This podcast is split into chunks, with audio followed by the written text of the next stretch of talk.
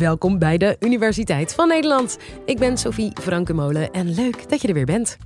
Vandaag heb ik een mooi college voor je van onze vrienden van de Universiteit van Vlaanderen. Amai, dat is plezant hè? Tijdens de coronapandemie zijn veel sportwedstrijden zonder publiek gespeeld. Wat was de invloed daarvan op de sporters en op de uitslag van de wedstrijd? Philip Boen, professor aan de KU Leuven, vertelt het je. Geniet ervan! Dit is de Universiteit van Nederland. In de zomer van 2021 starten de Olympische Spelen van Tokio, met één jaar uitstel door de COVID-pandemie. De Olympische Spelen van Tokio worden door de coronacrisis een jaar uitgesteld. En die Olympische Spelen zijn om vele redenen speciaal. The games will be a blessing, but there may be difficult days. Zo zal er geen buitenlands publiek toegelaten zijn en ook het aantal Japanse toeschouwers zal beperkt worden. In deze podcast stellen we ons de vraag of het feit dat er minder of geen toeschouwers zijn de prestaties van atleten beïnvloedt. En zo ja, waarom dan? Nu, de vraag of de aanwezigheid van een publiek prestaties verbetert of verslechtert, is trouwens geen vraag die enkel sportpsychologen zou moeten bezighouden. Iedereen zal wel eens een prestatie hebben moeten leveren waarbij de aanwezigheid van een publiek als belemmerend of juist als bevorderend werd ervaren. Zo schrikken veel mensen ervoor terug om voor een publiek te spreken of te musiceren, omdat ze vrezen te zullen onderpresteren in vergelijking met hun oefensessies.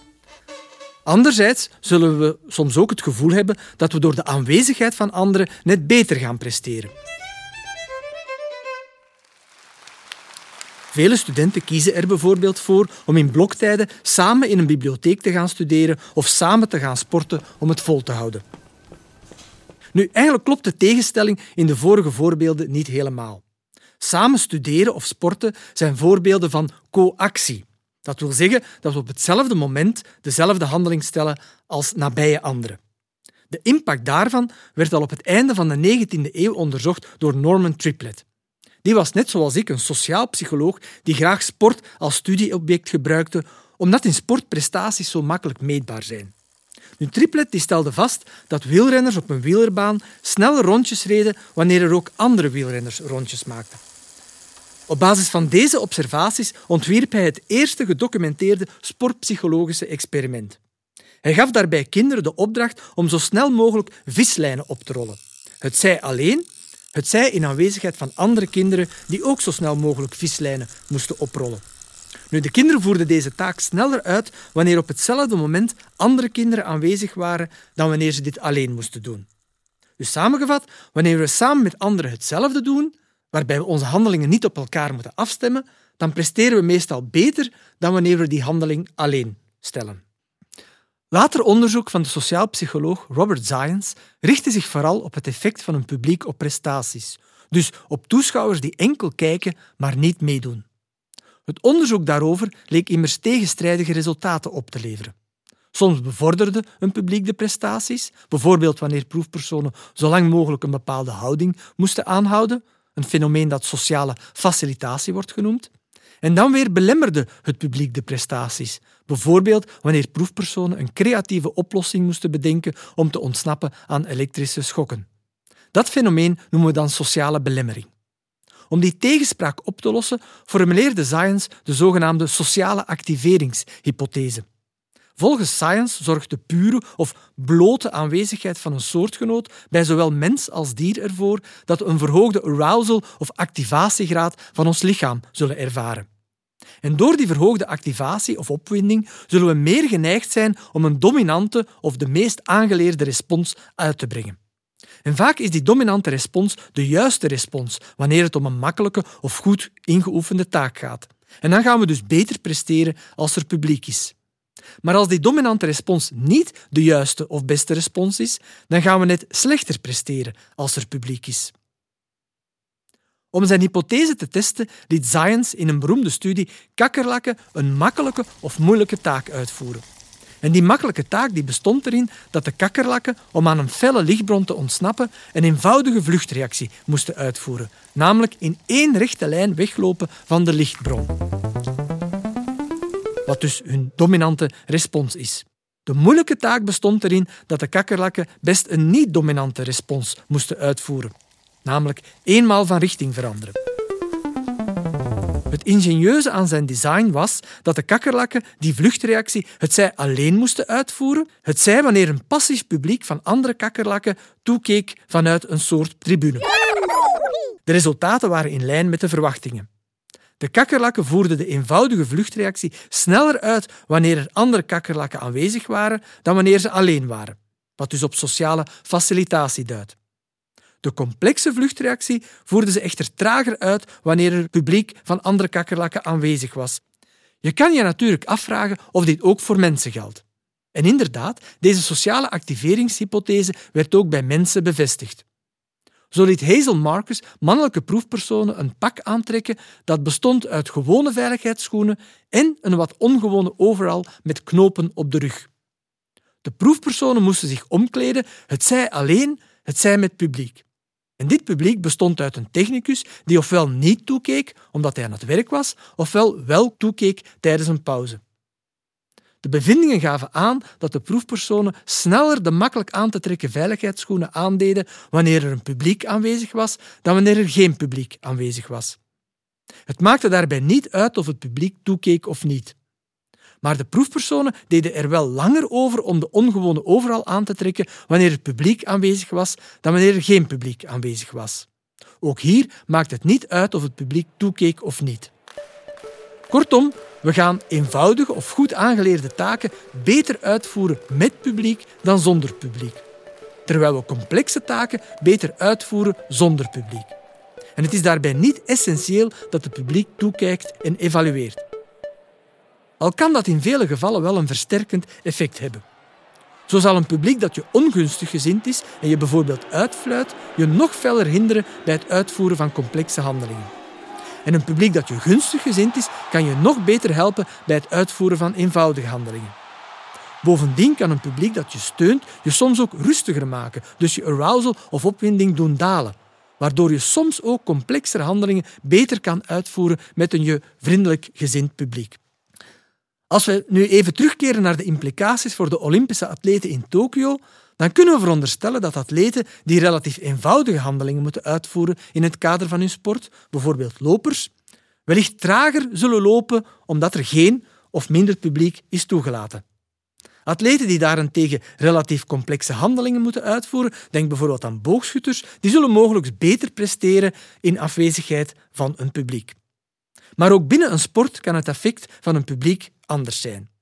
Zo kan je verwachten dat voetballers in aanwezigheid van een publiek sneller en meer zullen lopen, omdat dat toch een eenvoudige handeling is, maar dat ze minder goed een complexere handeling als een vrije trap zullen uitvoeren, wanneer er wel een publiek aanwezig is. Hierbij wil ik ook opmerken dat er uiteraard sterke individuele verschillen bestaan in hoe topsporters en mensen in het algemeen reageren op de aanwezigheid van een publiek. Sommige echte toppers zijn wellicht ook zo hoog opgeklommen in hun sport omdat zij vaak van nature minder last hebben, want minder arousal ervaren van de aanwezigheid van een publiek bij het stellen van complexe handelingen. Nu, dit laatste voetbalvoorbeeld brengt ons meteen bij een gerelateerde vraagstelling die tijdens de COVID-pandemie in 2020, 2021 heel relevant was. Is het een voordeel om thuis te mogen spelen voor een publiek dat je gunstig gezind is of niet? En wat gebeurt er dan als er plots geen publiek meer is toegelaten bij wedstrijden, zoals tijdens de pandemie vaak het geval was?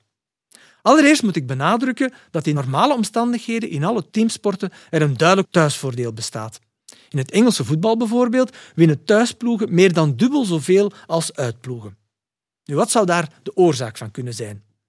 Verklaringen als vermoeidheid door de langere reistijd of de onvertrouwdheid met het veld werden al lang empirisch weerlegd. Er bleek geen correlatie te bestaan tussen de lengte van de reistijd van het bezoekende team en de wedstrijduitslag. Ook bleken teams die bijvoorbeeld thuis nu op kunstgras speelden, een ander vaak aangehaald argument, buitenshuis niet slechter te presteren dan andere teams. Maar wel werd er een verband vastgesteld tussen het aantal toeschouwers bij een wedstrijd en de wedstrijduitslag. Hoe meer toeschouwers, hoe groter de kans dat de thuisploeg won. En van die toeschouwers is het merendeel natuurlijk supporter van de thuisploeg. Interessant genoeg bleek dit effect van het aantal toeschouwers minder te spelen bij de zogenaamde derbies, wanneer twee teams van eenzelfde stad of regio tegen elkaar spelen. Want bij zulke derbies zijn er gewoonlijk relatief meer bezoekende fans aanwezig dan bij niet-derbies. Zou het kunnen dat de thuisploeg beter speelt omdat de spelers meesurfen op de golven van de vocale steunbetuiging? Zo'n motivationele verklaringen worden vaak door voetballers na de wedstrijd aangehaald. Het publiek stuwde ons vooruit, zeggen ze dan vaak. Because of the fans who were pushing us on, uh, like for example the Dortmund game at home, where we clinched that winner. Uh, simply because the fans were pushing us till the end. Toch blijkt de meest doorslaggevende reden wat minder poëtisch te zijn. Zo krijgen thuisploegen namelijk meer strafschoppen toegewezen naarmate er meer toeschouwers aanwezig zijn. Uiteraard zou je kunnen opwerpen dat thuisploegen meer strafschoppen krijgen omdat ze door hun publiek worden opgezweept. Het zijn echter niet de spelers die bepalen of ze al dan niet een strafschop krijgen, maar wel de scheidsrechters. En daarom ontwierpen Ellen Neville en collega's een eenvoudig maar vernuftig experiment waarbij scheidsrechters op video een aantal betwistbare fasen uit een thuiswedstrijd van FC Liverpool moesten bekijken en beoordelen. Net voor de echte scheidsrechter op video zijn beslissing bekend maakte, werd het beeld stilgezet en moesten de deelnemende scheidsrechters hun oordeel vellen. Het interessante aan het experiment was dat de helft van de scheidsrechters de beelden hadden bekeken met geluid, dus met de reacties van het fanatieke Liverpool-publiek. De andere helft had de beelden bekeken zonder het geluid. De resultaten gaven aan dat de scheidsrechters die het thuispubliek hadden gehoord 15% minder fouten toeschreven aan de thuisploeg dan de scheidsrechters die niet aan het geluid waren blootgesteld. Nu, die 15% lijkt misschien niet veel, maar dit percentage is niet alleen statistisch significant, maar ook relevant genoeg om bij voetbal het spelverloop te kunnen beïnvloeden. Dit experiment bood dus duidelijke evidentie dat spelen voor een thuispubliek wellicht een voordeel oplevert omdat de reacties van dat thuispubliek de beslissingen van de scheidsrechter kunnen sturen.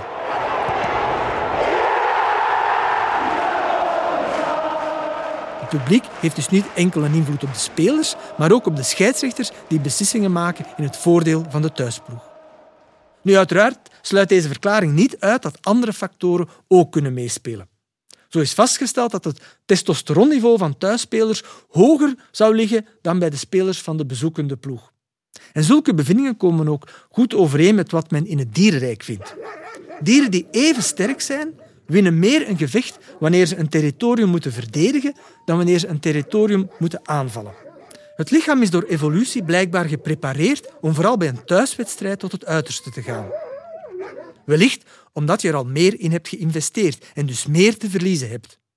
Mogelijk verlies triggert ons meer dan mogelijke winst. Dat fenomeen wordt in de psychologie ook wel loss aversion genoemd. Nu, zoals gezegd is in teamsporten het thuisvoordeel bijzonder consistent. Tenminste, als er publiek aanwezig is. De recente COVID-pandemie gaf immers de mogelijkheid tot een uniek veldexperiment om het effect van de aanwezigheid van het publiek op het thuisvoordeel te onderzoeken. In sommige landen, zoals Duitsland, werd de voetbalcompetitie immers zonder publiek verder gezet. En uit verschillende studies bleek dat het thuisvoordeel dan ofwel drastisch verminderde en soms zelfs omkeerde naar een thuisnadeel. Dus van het moment dat er geen publiek meer was toegelaten.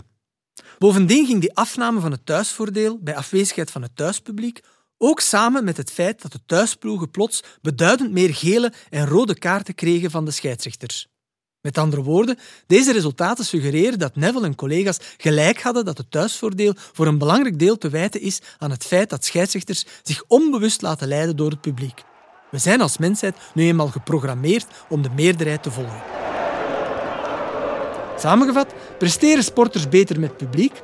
Zoals vaak in de wetenschap hangt dat af van situatie tot situatie, of in dit geval de specifieke taak.